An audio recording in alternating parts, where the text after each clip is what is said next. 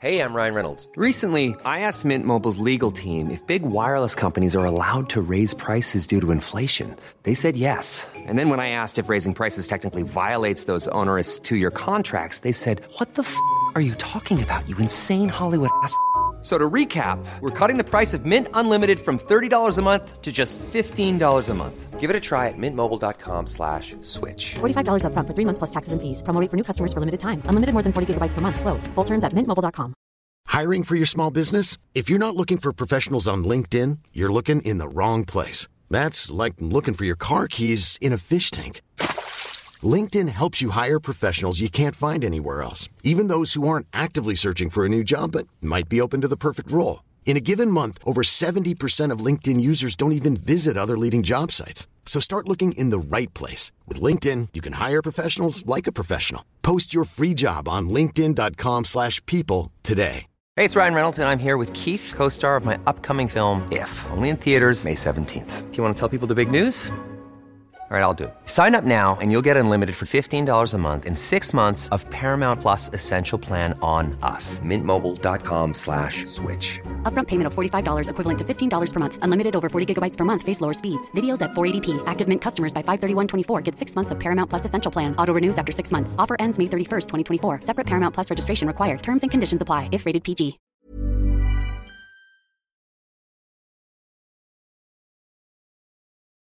Kampsport, MMA framförallt, har tagit världen med storm de senaste 20 åren. Och inte minst i Sverige, där sporten har växt något så djävulskt. Eh, vi har Alex Gustafsson, Reza Madadi, Omar Bush, Ili Latifi är bara några av de pionjärer som genom åren har gjort sig stora och kända utanför och innanför Sverige. Idag har vi andra namn. Hamza Chimaev, Sadie Bosi, Guram Kutateladze, men även Sebastian the Bandit Kadestam. Och honom ska vi få träffa idag. Let's go!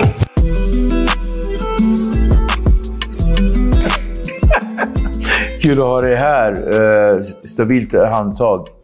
Eh, nu blev det en dialogisk special. Eh, jag tänker att vi, vi, vi kör den direkt, ganska snabbt och subtilt. Eh, min tanke hade varit att vi skulle ha, köra en ordinarie. Jag har haft det i åtanke ett par år. Nästan, nästan två faktiskt, skulle komma. Så att, eh, men nu är det här. Anledningen till att vi, kör en sån här eh, snabbavsnitt är ju 5 maj. Bara om någon vecka så går... Så är det liksom nästa kamp. Kan man säga kamp eller ser du det som en kamp? Ja, kamp, tävling. Det blir liksom en fight. Just där och då, det är på liv och död. Ja. Eh, förberedelsen försöker man väl mera ha det. Ja, vi ska tävla, försöka prestera. Där och då, då det slita huvudet, liv och död. Vi, vi ska inte gå in för mycket på, på din motståndare Roberto Solic. Men, men du är en krigare. Hypad. Eh, däremot eh, så tänker jag att vi kommer komma in lite grann på, på den organisationen du kör nu på, OneFC. Eh, alltså det är ju en väldigt eh, högt och... Eh, alltså en gala som, som är stor. Ja, den börjar ta för sig. Eh, den börjar ta för sig. Vi har ju stora namn där. En av dem är ju Mighty Mouse. Ja, det finns ju flera. Eh, Ska, kan vi bara gå in lite grann på regelsystemet hur det är? Det är ju både MMA och... Eh, Ja, de har egentligen, de har till och med haft en eh, världsmästartitelmatch i boxning. Så de har professionell boxning, thaiboxning med MMA-handskar, kickboxning med kickboxningshandskar. det var var- varannan rond, eller vad var det? Ja, de har ju också sådana matcher. Mighty Mouse Det mötte ju. Rodtang. Ja. Då var det först eh, thai, eller först kickboxning, Mm. sen MMA, sen eh, kickboxning, sen skulle det bli MMA igen. Men i andra ronden så vart Rodtang utstrypt av Mouse. Då. Men, så de gör lite sådana där grejer, men sen de har grappling-matcher. Och, så de försöker fånga lite mer hel, helheten av kampsportsvärlden. Eh, så det är kul. Men den fighten framförallt, kändes det givet? Alltså, ja, var det inte lite beroende på vem som skulle... Alltså, vil, vilken, vems stil skulle vara i första ronden? Om det hade varit MMA första ronden, Ja, ja då hade det varit MMA då hade det varit lite fusk, tycker jag. eller hur? Det är enklare att bara, okej, ta nedtagningen. Ja. Jag tycker Maidemans gjorde bra. Han försökte svinga tillbaka så det small på ganska bra. Eh, och sen tyckte jag Rodtang bara byter stil, byter stance i andra ronden när det är MMA och kör en helt annan stil. Jag tyckte det var en skitrolig. En skitrolig ja, det var grej. kul som fan. Faktiskt. kul. Och sen är det, det är världens bästa MMA-fighter mot någon som aldrig har kört en MMA-match i MMA. Det är givet liksom. Det var givet. Så. Men eh, rolig match. Det var en jätterolig match. Dina fighter, jag, jag har, har ju följt dig genom åren och jag vill bara säga att det är en ära för mig att ha dig här. Tack, tack. Eh, jag är jätte... Jag är väl ganska... Jag är inte ny som åskådare av sporten, men jag är ny som en liksom utövare av sporten. Så att för mig blir det så här lite dubbelt. Det, alltså, sinnesstämningen när det gäller sig intellektuellt, då kan jag prata fighting. Ja, men den där fighten hit och dit, det året hit och dit. Men sen när det liksom gäller att prata Alltså det utövandet, då är jag fortfarande väldigt, väldigt ny. Och, eh, och det känns kul att säga att jag är ny. Träna Alltså, med Omar eh, way back. Ja, men precis. Alltså Omar Bush. Eh, berätta om Omar. Ska, ska vi liksom presentera för... Ja, låt, låt oss presentera Omar. Eh, han tog hit eh, MMA till Sverige. Kan man säga. Det, var så, det var så det var. Och han började tävla i både boxning och karate, eh, taekwondo tror jag det var. Eh, 80-90-tal. Kom in i MMA. Tävlade i Japan. Mm. Fick åka iväg till USA på tryout-matcher. Det var så här, turneringar som inte ens var matcher. Ja, bara för att precis. ens få komma och köra i Japan. Mm. Och det var ju stort då på den tiden, Pancrase. Eh, och eh, han körde där. Och han började tävla på professionell nivå sent. Annars hade vi sett mycket mer av, eh, av honom i tävlingsformat. Men han började tävla eh, rätt sent. Så tog hit, öppnade Pancrase 96, Pancrase gym. Och eh, han har tränat. De flesta i Sverige har varit på, under Omar på Under något sätt. Ja. På något sätt. Eh, eh, han är grym. Mm. Tränar med honom sedan 2010. Så det är ett tag nu. Har, har, eh, har Omars sett hans vision av fighting förändrat dig som fighter? Så, ja, såklart. Eh, 2010 är en lång tid tillbaka. Ja, det, det är en tid. Något måste jag... Ja, och jag kom... Jag kom... Jag bodde i Thailand också under, de, under den här tiden. när jag har, Så jag har varit mycket i Thailand, bott i Thailand. Så när jag, nu, de, i alla fall de senaste sex åren, när jag har varit hemma hela tiden. Så har det varit mycket thai-struktur i min stil. Som han har bara hamrat och hamrat och försökt att ta bort. Han, försökt, han har försökt ta bort den. Vissa han grejer är bra. shootfighting-stilen, eller? Ja, men vissa grejer är bra, men sen det blir lätt att bli nedtagen och sånt där. Och boxningen från thai är inte riktigt lika bra som ren boxning. Så, så det har tagit eh, tid. Men han är sådär, han, kan, han har lagt ner flera år bara på att jabben ska se ut som han vill att den ska se ut. Och innan den ser ut som det, då går vi inte vidare. Men det känns verkligen att han är en sån person som, som nöter och nöter och nöter. Han, om, om jag får lägga ord i hans mun så skulle han vilja hålla på med en fighter i 50 år. Söka perfektion. Skit i vad, hur det går i matcherna. Kul med vinst, men jag tror det, han, han har en vision på något sätt och eh, det är det vi jobbar för. Ödmjuk person, jättesnäll och, och liksom gör, ingen, gör inget väsen av sig. Eh, verkligen. Mitt första, mitt första möte, det är så roligt när du säger det, för att mitt första möte med Omar, då var jag en, jag var en 15-16-åring. Strulig kille som kom till ett uh, ungdomshem frivilligt, så jag var ganska bredaxlad i tonen. Liksom, jag går när jag vill. Och han jobbade som, nu vet inte jag om han var praktikant, men han var i alla fall, som man säger på den tiden, yngling. Han var, han var 19 bast kanske, vad kan han ha varit? 19, 19 20, 21. Så hade han lång, så här, riktigt så här, nordafrikansk eh, barr, liksom, tofs och, och så här, på den tiden. Så här, det här, är- vad kan det här vara? 86, 87? Så på den tiden var han ju ung och så hade han ju de här eh, kickersbrallorna och så här, så här, Jag kommer ihåg att det var så här, såna Bruce Lee-skor som han hade. Du Okej. vet, svarta med bruna. Ja, och så, var han skit, så, sa, så sa jag så här, "Ja, men jag ska bara dra. Han bara, du får inte dra härifrån förrän du kan göra liksom, en roundkick på den här päronbollen. Och då hade vi en päronboll som var uppe, alltså högt. Alltså den satt högt. Aha. Och jag är 1,30 med hatten på, så jag var inte så lång, så för mig var det skithögt. Men då så skulle man göra en rundspark på den där. och det gjorde jag, men jag drog aldrig därifrån. Han fick mig kvar där. Och det var väl min första riktiga träning på riktigt med disciplin. Eh, jag lärde mig jättemycket av honom, så att, eh, ja, det är en ära att sitta med honom som, som, eh, ja, men som är med honom dagligen och, och sådär. Jag har inte träffat honom Ja, han är på ett tag. fascinerande. Eh, nej, för, stor förebild för mig och har varit länge och jag vet att eh, han är det för många andra också. Så. Jag brukar ju alltid säga så här till mina gäster, vi backar bandet lite grann och jag tänker att vi, vi, tittar, vi tittar tillbaka. Det finns ett citat här som, som jag har från dig, jag vet inte om du kommer känna igen det, men den är så här. Resten är historia, men det slutade hyfsat. Har du, Ja. har du hört det någon gång? Ja, det måste väl ha kommit från min mun någon gång. Ja, det kommer från din mun. Ah, nej, det började inte... Det var, det var ingen rak väg hit. Eh, och vi är fortfarande på... eh, Jag menar, det är upp och ner. Och, eh, men ja, jag skulle inte ha suttit här idag, tycker jag själv, med, med tanke på hur det startade. Och jag är bara tacksam över att jag får göra någonting dagligen jag verkligen tycker om. Eh, varit, rest runt hela världen och, och fightades liksom. För, ja, för jag upplever dig som, som en sökare av någonting. Någonting har jag alltid sökt. Och samtidigt som den sökaren du är så känns det också som att du har sprungit ifrån någonting. Och till slut någonstans har hittat, jag vet inte, jag kan ha fel. Ja, jag, jag tror hela... Det här var väl en flykt ifrån MMA i början. var en, ett sätt av mig att både fly från mig själv och fly från verkligheten på något sätt. Där jag själv hade satt mig. Så, eh, och sen resten av mitt liv bara försökt att hitta vem jag är. Liksom. Och i MMA har man vuxit. Så tacksam för sporten och tacksam för de som har varit omkring. Och med djupdykning då? Djupdykning. Åtta års ålder.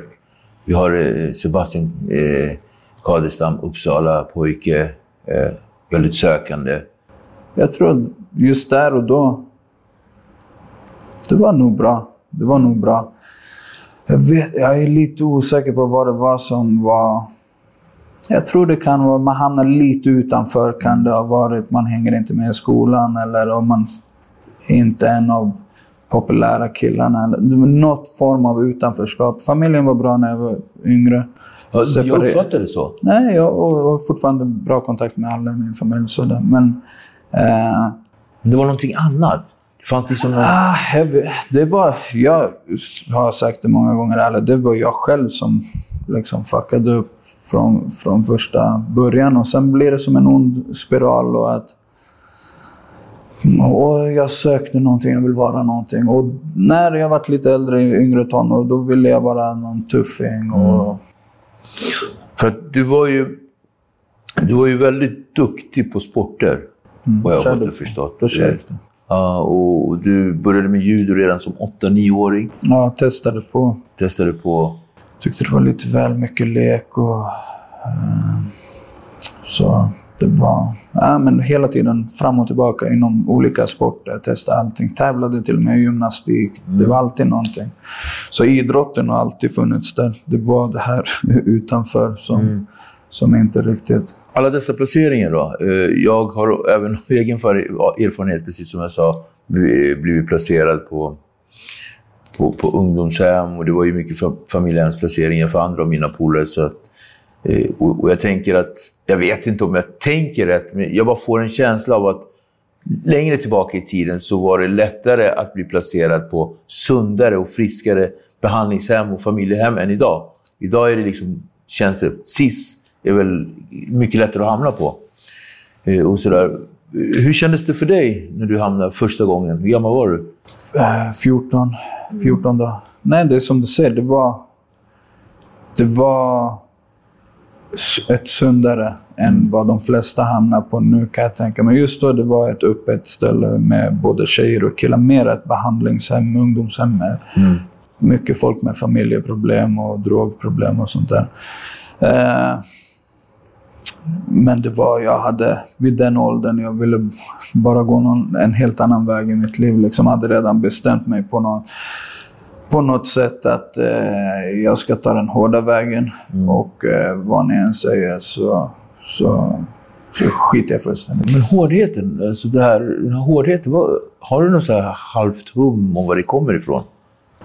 Hos dig? Jag tror, jag tror det är någonting nu. Jag, jag är inte en hård person. Jag gillar att slåss. Jag tycker om kampsport. Fast ja, för du är en mjuk person som fan. Ja, men den här hårdheten, det var någonting jag försökte... Det var någon överlevnads... Eh, man försökte bygga upp och jag tror de flesta på något sätt. Vissa är stenhårda, absolut. Men nej, då i ung ålder, det var bara okej, man måste brösta upp och, och, eh, och sen ja, tappade identiteten i att okej, vi ska bara brösta upp oss hela tiden. Och, och så hittar man ingen mening med livet och då blir det så här, ah, det här är vägen vi ska gå. För mig då. Och eh, det slutade med tre placeringar innan jag vaknade till och, och, och förstod att det här är bara en ond... Ja, Det det är är, bara- liksom en ond spiral. På, så, så, trivdes du på placeringen? Eller så, eller så, Nej, nej, jag tror i, precis i, i början var det... Det var jättejobbigt att vara liksom... Man var så liten ung, men så här, "Ja, jag får inte vara ute på sommaren. Så här. Varför ska du låsa in mig på sommaren? Jag vill vara ute, jag vill göra det här. Man får något brev. Fredagar var skitviktiga. Ja, och så här, Kommer du ihåg när fredagar var viktiga? ja, det var ett tag sedan. Va? Det var ett tag sedan. Shit, nu du gav mig verkligen så Nu, här. söndagar är viktigt när Ja. man får vila lite. Precis. Ja, det, nej, det var... Nej, då och sen... Det var mera... Mm. Jag missar någonting. Fan, man missar inte ett skit. Så jag skulle ha tagit, tagit det tidigare, men hamnade på Gotland på Staple när jag var 17. Eh, och, det var tufft i början. Det var ganska hårt med... De hade mycket träning som deras eh, största program skulle jag säga. Det som har haft eh, störst framgång med att hjälpa folk är träningen där.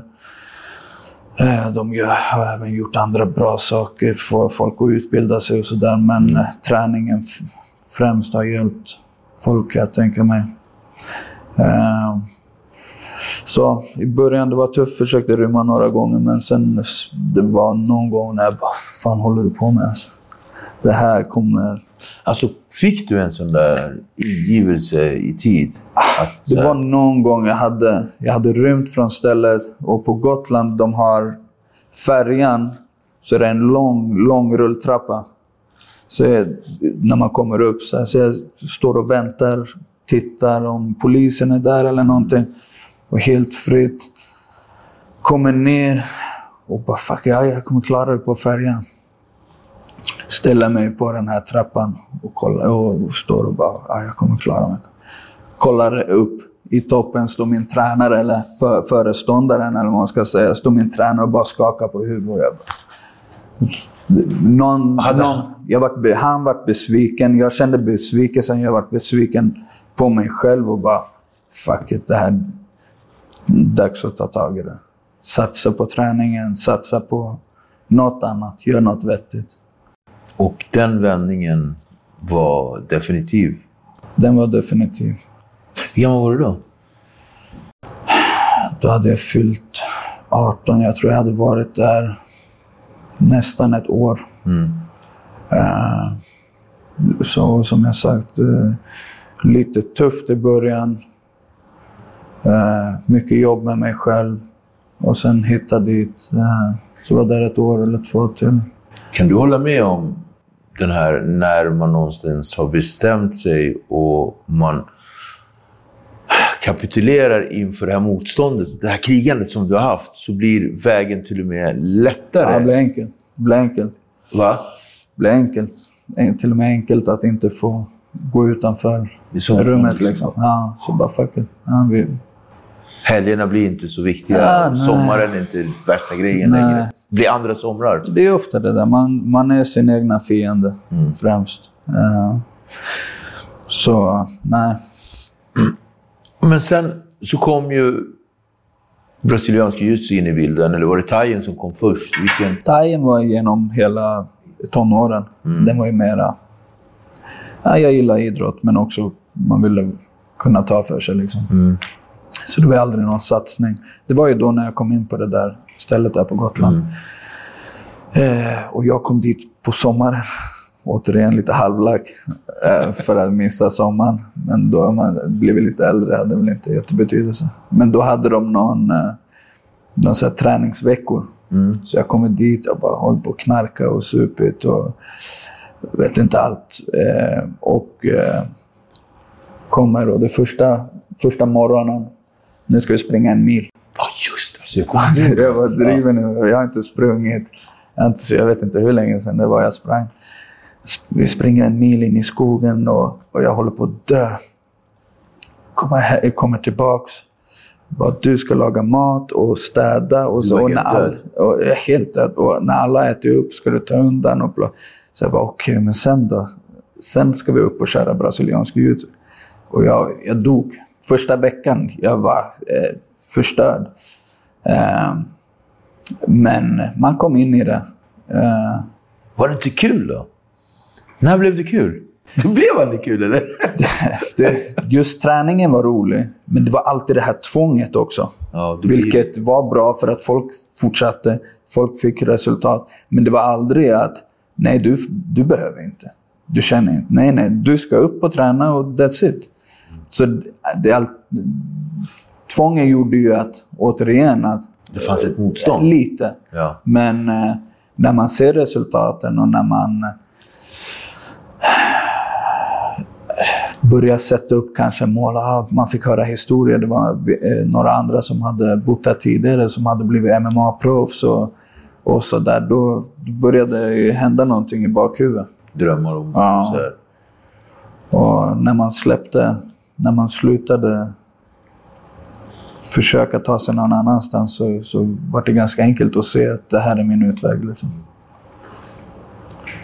Men du drog till Thailand ganska tidigt ändå. Jag kände att flyttade jag tillbaka till Uppsala efter... Jag hade gjort vändningen. Ingen annan jag kände hade gjort. Och jag hade inte gjort så mycket jobb med mig själv, utan jag hade bara bestämt mig. Fuck it. Jag ska göra det här. Och jag var inte redo att... Kommer jag till Uppsala det, och bor hemma hos mamma. Du vet, jag har ingenting, ingen skola, ingen jobb, ingen utbildning, ingenting. Det, 100 procent tillbaks. Och så snurrade det. Eh, så det blev Thailand. Berätta om Thailand. De här eh, Staple, de som utslussning från efter två och ett halvt år så, så gav de mig tre månader träningsresa i Thailand. Så jag åkte ner själv. Kommer till Thailand, upp i nordöstra Thailand. Ingen pratar knappt engelska. Kommer till Legacy Gym. Olle Larsen, en dansk, dansk-filippinsk eh, thaiboxare, kickboxare. Eh, tar emot mig och eh, slår skiten ur mig första månaderna, men med väldigt Kärleksfull kärleksfull. Men det var liksom... Kärleksfulla slag. Ja. Men det var tufft, för det var ett riktigt... Alltså det var, alla var välkomna, men det var ju mycket proffsfighters liksom, som var där. Och, och som jag med min fasad, jag ska ju hävda mig. Eller, inte något negativt så, men jag tänker inte backa för någon. Ja. Eh, och jag vill bevisa mig. Jag sa direkt, jag vill ha match. Direkt. Jag hade Direkt. fan aldrig gjort något. Min första resa gick en proffsmatch i thaiboxning. Aldrig tävlat i hela mitt liv. jag bara fuck it. Körde. Jag köra? Köra. Vann på knock i första. Du vann på knock. Så det var bara den här mindseten. Men eh, så var där tre månader, tränade hårt, eh, skapade relation med, med Olle. Eh, kom hem, flyttade till Stockholm, började plugga på Bosön. Ja, Just det. du- Eh, ja, plugga och då började jag träna med, med Omar på Pancrase Gym. Men som jag sa, jag hade inte jobb. Jag, var inte redo för något annat än MMA egentligen. Så skolan gick åt helvete. Betalade, eller skulle betala in allting till CNN. Eller vad, vad CSN, ja. Scenen, om det ändå vore så väl. eh, nej, så jag varit återbetalningsskyldig för jag hade inte eh, och utslängd från skolan. Så, ah, fuck, nu är jag tillbaka här igen. Vad ska jag... V- Vart det så här tvivel i dig? Nej, utan jag bara känner... du- Då jag kände... Du så här, ska jag flytta hem, bo på morsans soffa? Eller tillbaks och försöka göra den andra vägen? Bara fuck it. Skriver till Olle bara... ja, jag, jag är fucked här. Kan jag komma? Jag kommer att fightas. Du tar alla mina pengar, jag fightas, jag tränar hårt. Bara ge mig ett rum och mat. Och that's it. Sen bara kom, så får vi se vart, eh, hur det går. Eh, Så jag sålde av alla mina grejer och köpte en enkel biljett till Thailand. Och eh, blev kvar i sex år. Okej. Så Och på den vägen är vi nu. Och, och, du hade ju judo där du sa att den var ju minimal, så den ville du typ inte ens prata om. Men den brasilianska judon fanns det, så det fanns ju lite mark. Det fanns en hel del mark. Men att gå från stående då till mark, var det några svårigheter från dig? Eh, Förlåt, för dig? det är nu de senaste, när jag har kommit upp eh, i en liten högre nivå i tävling som det har blivit, som det har blivit märkbart. För förut liksom var det inte... Jag hade... Vi tränade thaiboxning två gånger, gånger om dagen. Vi tränade jujutsu två gånger i veckan. Så det var liksom... Jag fattar. Det var det som var grejen. Att vi, det var aldrig... Och man bara, ah, okej, ja, han kan nog lås. Eller, det, hela grejen, hela min karriär var bara, okej, jag ska överleva, ställa mig upp, Och köra. let's go. Så det har varit hela. Nu har det blivit mer Oma, så har det blivit ännu mer att jag ska kunna brottas bra åt Vilket alla har gynnat dig väldigt, väldigt mycket. Ja, absolut. Absolut.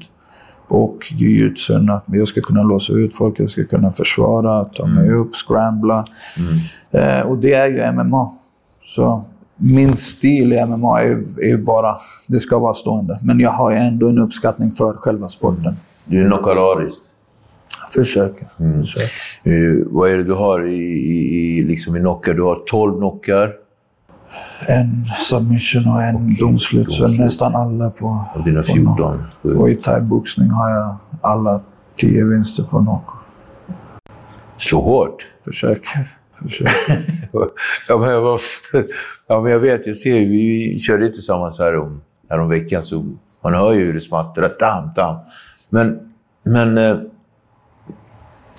The Bandit, the nickname, kom den nu eh, alltså, utifrån ditt förra liv? Eller, alltså, Det kom från, från Olle då när vi- började och vi hade min första match i MMA så hade jag, eller om den första eller andra, så hade jag bandanan på mig bara för att det var en, min MMA-coach där nere då. Han gick in med en bandana, jag tyckte det såg coolt ut så jag gick in med en bandana. Men sen kom The Bandit. Dels, jag tyckte det passade på grund av min bakgrund. Och det spelar mycket på... mm. Ja, Det visar... MMA för mig är också mitt sätt att ta mig ur. Så det är inte någonting att... Jag har aldrig spelat The Bandit att jag ska vara någon tuffing eller någonting. Utan det är mera vägen ur på något sätt. Mm, ja, ja, men ja, ja. Så, Det är liksom... nej, den har, den har följt med och den har, den, jag tycker den har sin plats på något sätt. Så. UFC har ju lite alltså min presentation var ju liksom det här med kampsport i Sverige. MMA har ju blivit den största sporten. Eh, och över hela världen, om du bara kollar USA, i USA så är MMA en av de största sporterna. Eh, UFC har ju liksom också gjort sitt, sitt eh, intryck, så vi kanske inte ska gå in för mycket just på UFC. Men kommer du ihåg när det kom och, och vad som hände? Vad hade du för tankar kring Jag den kommer- nya sfären? Jag, jag tror, vad fan var det? Jag tror UFC 1, tv-spel. Ja. Kom, någon kompis hade det och så bara, ah, kolla det här nya fighting-spelet. Jag hade aldrig sett eh, UFC, MMA eller någonting. Och spelade lite och så bara, man ville vara Chuck Liddell Ja. slå. Eh, och när jag, när jag var 17 då, och sista placeringen, då, då visste jag inte inte sett en UFC-match. Jag hade ingen aning om vad Brasil, Brasilien jiu-jitsu var. Ingenting. Så det kom sent till mig i alla fall. Så jag hade, jag hade annat på tankarna. Ja, ja men precis. Och, och när det kommer till förebilder, jag nämnt Larsen, jag har nämnt Omar Bush och sådär. Hade du några andra förebilder och inspirationskällor? När du var yngre? När jag var yngre, inte ifrån kampsport direkt, men Rocky. Ja. Rocky var min, en av många nätters räddande. Man kollade på Rocky, gick ut och sprang. Det spelade ingen roll vad klockan var. Och bara fuck it, vi vänder på det här, ut och springer. Men eh, ja, det räckte inte hela vägen. Men Rocky, just den här, hur han tar sig från absolut skiten till toppen. Det har varit inspirationen. Och det är ju en verklighet för många av oss. liksom man försöker. botten att vi, verkligen, vi försöker. Och jag tycker jag är skitgrymt. Och så här. Sebastian, äran, titlar. Är det det som ändå är eh, the shit eller är det vägen dit? Är du med mig? Vilket... vilket Det, det är det som är... Titla, ära, ja. Är svårt. Det är det som är någon form av, som hela tiden glöd, ger, ger lite eld under glöden. Att, känslan av att man lever. Ja, och eh, att det inte bara blir ett jobb. Att man inte bara går och bara, okej, ännu en match. Ännu en, utan grind man, ändå. ja, man grindar, men att så här, som nu, jag ska möta den här killen, han är högt rankad. Fuck jag ska ta hans ranking. Och nu är vi tillbaks. Söker stjärnorna. Och det är det som gör att jag går inte bara till jobbet. Jag jobbar inte bara... MMA, det är dygnet runt. Jag ska titta på vad jag dricker, äter, hur jag sover. Träna, akta mig från skador. Det är liksom konstant. Om det skulle vara ett jobb, man hade aldrig pallat. Ja, ja, jag fattar. Du behöver det där lilla. Så just det här att försöka mäta mig med så bra killar som möjligt. Och, och det, man ska vara tacksam. Det, det är hårt arbete att ens få komma upp och mäta sig med duktiga. Så, så man ska ta vara på, på de chanserna.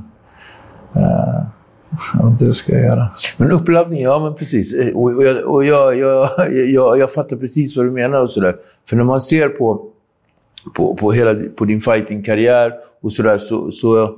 Inte att du alltid har varit en underdog, men det har varit den här lilla känslan av att mm, vi rullar på och kör. Och också resultaten av knockar och så.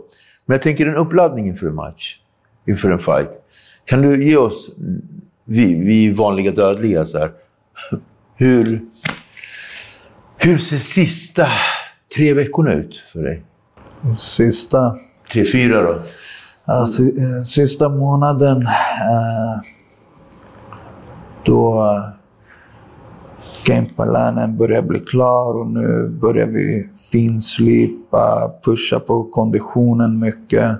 Och de, de sista veckorna, även om det är hårt arbete, eh, är de bästa för att och så varje vecka så bara skarpare, skarpare och, och, och man blir så här självförtroende bara ökar och ökar och till slut känns det som att man, Man kan, har det. Fan, man kan fan knocka vem som helst. Är du där nu?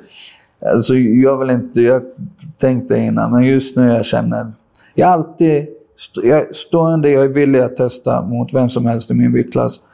Eh, just nu känner jag att eh, han kommer somna gott. Men, eh, nej, men självförtroende blir bara, vet, man vänder på alla stenar, man gör allting rätt. Självförtroende kommer som en present. Jag tänker på, på uh, viktkuttningen. Ja, det är den tuffa biten. Det är den tuffa det är den tuffa biten. Och den gör ju att du presterar inte hundra eh, på träningen heller. Men eh, Har du en lång uh, weight cut? Eller liksom blir det, jag har haft en dietist den här gången och vi har kört är det nu första gången? första gången på väldigt länge. Mm. Jag hade en 2015, 16 någon gång. gick bra. Nej, så nu har vi... Jag älskar att äta mat, jag älskar att laga mat, så det är tufft. Och, och det där är en rolig grej med, med fighters, eller kanske med alla människor, men just fighters äh, har ju en sån förkärlek för att äta Ja. Mat? God, god mat. Nej, det, det är nog... Jag skulle inte säga att det är en last, men det... Jag gillar laga. Ynnest som Ja, är liksom gränslös. Jag kan äta, äta hur mycket som helst. Och, och, och på tal om, om, om uppladdningar och sådär, så, så finns det ju också aspekter som man måste tänka på. Vilket jag har märkt när jag har varit i, alltså på klubb med dig och sett dig träna. Att du tänker också verkligen på vilka du kör sparring mot. Att man inte kör mot folk som inte har riktigt 100% i koll. Och som vi pratade lite grann innan. Eh, att, att det bör vara personer som man tycker att det är kul att köra med. Kanske inte bara lätt att köra med, men också att det är säkert att köra med. I alla fall... Fan, jag, har, jag har krigat. Jag har hållit på med det här professionellt sedan 2011, min första match. Min kropp, den är som den är. Jag har krigat många år och eh, i slutändan, jag vet säger, det känns inte som ett jobb, men i slutändan det är ett jobb. Och kommer jag inte fram till matchdatum, no, no money. Så, Ja. Så i slutändan, jag, jag gör allt jag kan för att ta mig fram till, eh, till buren, in i buren. Och, och sen det som händer där inne Och händer man där måste inne. se det som ett, det är liksom ett kontrakt också man skriver på. Ja, jag måste, jag måste dit. Och, och om, om någon sparkar sönder knät på mig för att de har prestige eller om jag slår sönder min hand för att vi, vi är dumma och ska mät, Egomätning. mäta någonting. Mm. Det, det är inte värt pengar för Nej. mig. Eh, jag menar, det kan jag, vilket jag inte gör, men sådana tillfällen får finnas utanför camp när jag inte har match. Liksom. Svenska fighting-scenen. Vi har, vi har ju liksom... Eh, vi har ju en historia ändå, det här lilla landet. Sverige, ja, med fotboll, eh, basket, alltså fighting. Sverige ändå, när det gäller sport, så är vi... Är så, där. Vi är där, hur? nafsar. Ja, jag tycker det. Jag har varit där och nafsat länge. Hur känns det när du tänker på Sverige och, och kampsport? Liksom? Eller framförallt MMA? det är kul för att så länge, så länge jag har haft något öga för kampsport så har Sverige alltid varit och presterat. Speciellt liksom K1 och thaiboxning. och vi har haft duktiga fighters. Och man har hört liksom brottning och, nej, och sen nu MMA. Det är Alexander Gustafsson. Han la ju Grunden. grunden och gjorde det hur bra som helst. Liksom. Så vi är ju där. Vi har toppfighters och det, det är kul. Det är kul. Och det är lite kul när det är lite mindre också. För att vi som fighters, vi som land står ut lite mera. Om man tittar USA, de har liksom... Det finns hur många fighters som helst. Här, här det finns inte så mycket. Det är kul när det kommer några, och när alla håller ganska hög nivå. Liksom. Eh, eh, De olika organisationerna som finns ute i, ute i världen. Vi har PFL, vi har ONFC, vi har UFC. Vad har vi mer? Eh, Bellator. och sen det är många bra också. Mindre som kommer. Ja, Kamsat, han kommer ju ta guld. 100 procent. Det är vi är säkert två byggklasser. UFC, Sadebo har PFL. Jag tog One. Eh, Kalle är nära. Han har, ju Kalle, vunnit, ja. han har vunnit mot Bellator-mästaren redan. Han har haft lite otur nu senaste, men han har redan slagit mästaren.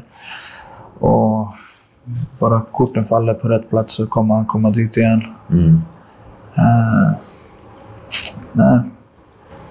Och du har haft ditt bälte på One. Vann det 2018. Försvarade. Eh, och torskade och... Efter, inte efter första, va? Nej. Nej, jag försvarade en gång. Så jag vann det, sen försvarade jag och sen torskade jag det. Så jag, hade, jag försvarade bara en gång. Mm. Men, ja, det var intressanta tider. Mm. Och ONFC som, eh, som organisation då? Hur tycker du att det funkar?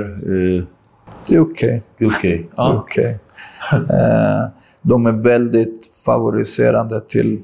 Man märker klart och tydligt som- eh, att du promotar den här och eh, det här är vad ni vill liksom... Och jag vet vad det är, det är en business. Mm. Så jag är här för att fightas, jag är inte här för att vi ska vara vänner. Kärleken till sporten. Du skulle kunna definiera den i tre ord. Eller kanske för få, tre ord. Ja, eller... Det är den djupa kärleken, det är räddningen. Liksom. Vad det har gett mig. Eh, ja, ett ord, räddning. Så. Höjdpunkten då? Vilken så här... Alltså, man kan ju ändå säga att du är en pionjär inom sporten nu. Tiden går. Tiden går. Ja, ja, jag är i alla fall andra generations, tredje generations, Tredje kanske va? eller något sånt. Oj. Jag vet inte. Nästa fredag. Det blir höjdpunkt. Och, och, och, och på fredag är det ju liksom... Och det är dags. Eh, din eh, motståndare, the opponent, hypad. Roberto Solic. Och så. Vi har ju pratat om honom. Vi ska inte ge honom ännu mera hype så. Men när du tittar på, på, på, på dina motståndare genom åren, finns det någon så här så när du tänker tillbaka, wow, alltså det, den fighten kommer jag, den var en grisig fight, den kommer jag inte glömma. De flesta är ju på knock, så att det kanske inte är så... Nej, jag hade en, jag mötte eh, Luis Santos. 65-9 i rekord. Med över 40... 65-9? 65-9. I vad? I thai? Nej, MMA. Vad säger du? 65-9. Över 40 på knockout. Svart bälte i judo, svart bälte i jujutsu. Var kommer han ifrån nu? Brasilien. Och tävlar för American Top Team. Jag fick honom på 12 dagars notis. Hur kändes den känslan? Var du nojig? Uff. Ja, det, det är en sån där man får rysning. Men bara den. Men det är lite den här. Så jag bara, fuck it. Självklart, jag tar matchen. Så det var så jag kom in i, i One.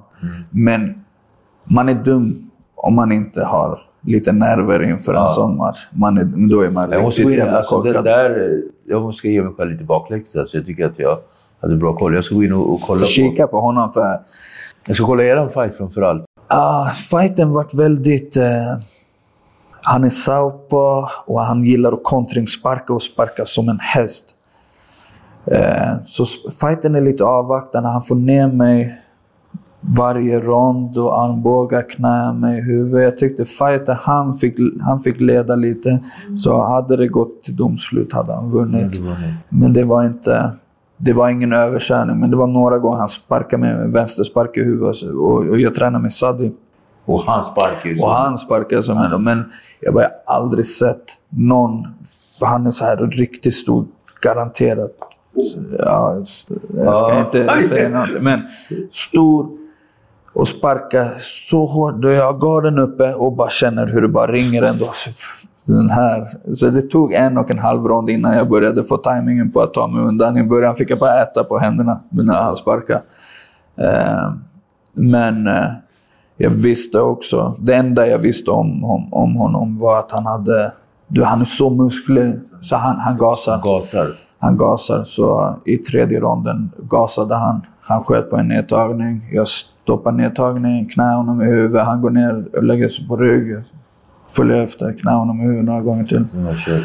Och... Eh, ja, men det är nog... Ja, jag fick tårar då efter matchen bara av... Du, det, där, det, det är lite story of my life. Liksom att det, det kanske inte borde varit möjligt på 12 dagars notis. Liksom. Eh, att vinna över honom. Han, jag fick ju titelmatchen direkt efter. Så han, han var ju den som var i toppen då. Nej, han kolla in honom för han har en sån här riktigt nasty KOs. Grym fighter. Grym fighter. Wow, ja. Vad gör dig riktigt lycklig då? Förutom fighting? Och äta god mat. Just nu hade god mat suttit bra. Nej, vad gör mig lycklig? Vad gör mig lycklig? Min familj. Att höra att inte... Ah, Nu, det var länge sedan. Men ibland min mamma brukar säga hon är stolt. Mm. Det gör mig lycklig. Så, så den där. Ja du, Sebastian the Bandit Kadestam. Resten är historia, men det slutar ändå rätt hyfsat. vi är på väg någonstans. Jag håller på dig. Tackar. Tack så mycket.